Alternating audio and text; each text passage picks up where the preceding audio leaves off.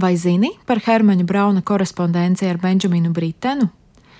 1918. gada 7. janvārī Maskavā piedzima Mavriks Vulfsons. Vasarā tālu pāri okeāniem pasaulē nāca Nelsons Mandela un Leonards Bernsteins, bet 9. augustā Pēterburgā pasauli ieraudzīja Hermanis Brauns. Tātad šogad izcilo pianistu, koncertmeistaru un pedagogu pieminēsim viņa 105. dzimšanas dienā. Hermaņa Brauna praktiskā darbošanās sākās agri. 15 gadu vecumā viņu par pianistu koncertmeistaru darbā uzņēma tolaik pazīstamajā Silvijas Budo horeogrāfiskajā studijā, un jau jaunības gados parādījās viņam raksturīgais spožais, dzirkstošais, aizrautīgais piesitiens un temperamentīgais spēles stils. Un līdzās šīm žilbinošajām raksturībām arī vēl kāda pianista zelta īpašība - fenomenāls spējas jebkuru skaņdarbu momentā nolasīt no lapas.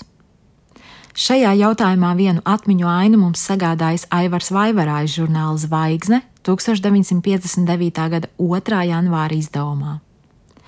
Ja jums konservatorijas kārtējo pavasara eksāmenu laikā pie klases numur 23 agrā rīta stundā pagadītos sastapt vairākus satrauktus jauniešus, kas nošu papīru rokā turēdami cits citam izmisuma pilnā balsī apjautājas, kāpēc vēl Hermanis Brauns nav atnācis, tad nebrīnieties. Pēc taisnības ik viens no šiem autoriem jau arī pats māk spēlēt klavierus, taču einu tekoši un veikli izspēlē visus tos sarežģītos muzikālo domu gājienus, kurus pats tēsis apiņķerējis. Nekur jau arī nav rakstīts, ka savi darbi jāizpilda pašam, un tāpēc katrs autors centies individuālā kārtā sameklēt savu izpildītāju, bet eksāmena rītā atklājas, ka lielai daļai jauno komponistu šis savs ir Hermanis Brauns. Tomēr nevienmēr viss izdevās tik spīdoši, kā iecerēts. Daiga Mazvērsīta žurnāla Ievas stāsti 2016. gada 2. septembra laidienā raksta: Reiz gan gadījies misēklis kādā radiopāraidē. Brauns uzaicināts pie mikrofona atskaņot nevienam nepazīstamus rumāņu un bulgāru komponistu skaņdarbus. Pianists paļāvies, ka nolasīs no lapas un nebija pat apskatījies notis. Dažus skaņdarbus nospēlējis, Brauns uz klavierēm nolika nākamo krājumu un pēc pirmās lapuses apstājās. Klusums ēterā. Kas noticis? Izrādās, jaunizdoto nošu krājumam nebija atgrieztas lapuses, un Brauns nevarēja pāršķirt nākamo lapu. Papildus pedagoģa darbam Brauns bija arī ilgadējs radiofona un Latvijas valsts filharmonijas koncertmeistars.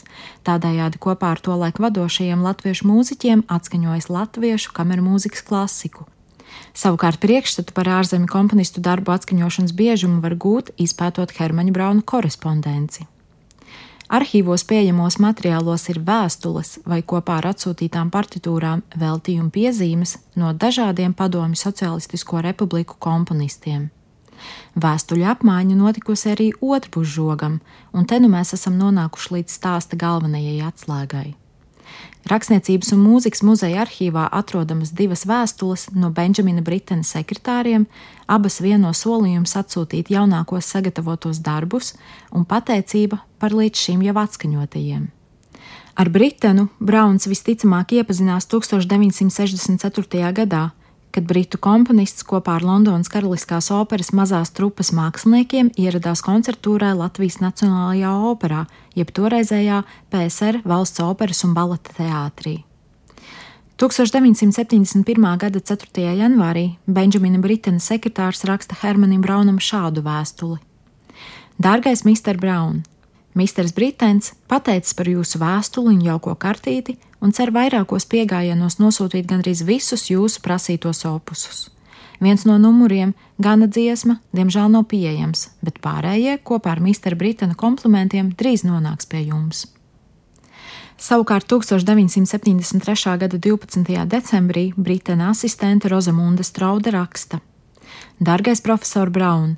Misters Britens ļoti pateicis par jūsu kartīti un laba vēlējumiem viņa dzimšanas dienā. Viņš cer, ka neņemsiet ļaunā viņa paša nespēju atbildēt. Līdzās tam, ka Mr. Britena dzimšanas diena ir kalpojusi par iemeslu veselam lērumam jaunas korespondences, viņš pagājušā gada laikā bijis nopietni saslimis. Misters Britens bija ļoti ieinteresēts dzirdēt par jūsu tulkotajiem viņa darbu atskaņojumiem Rīgā un cer, ka kantāta Misericordium atskaņojums veicās lieliski. Viņš sūta laba vēlējumus un pateicis par jūsu vēstuli.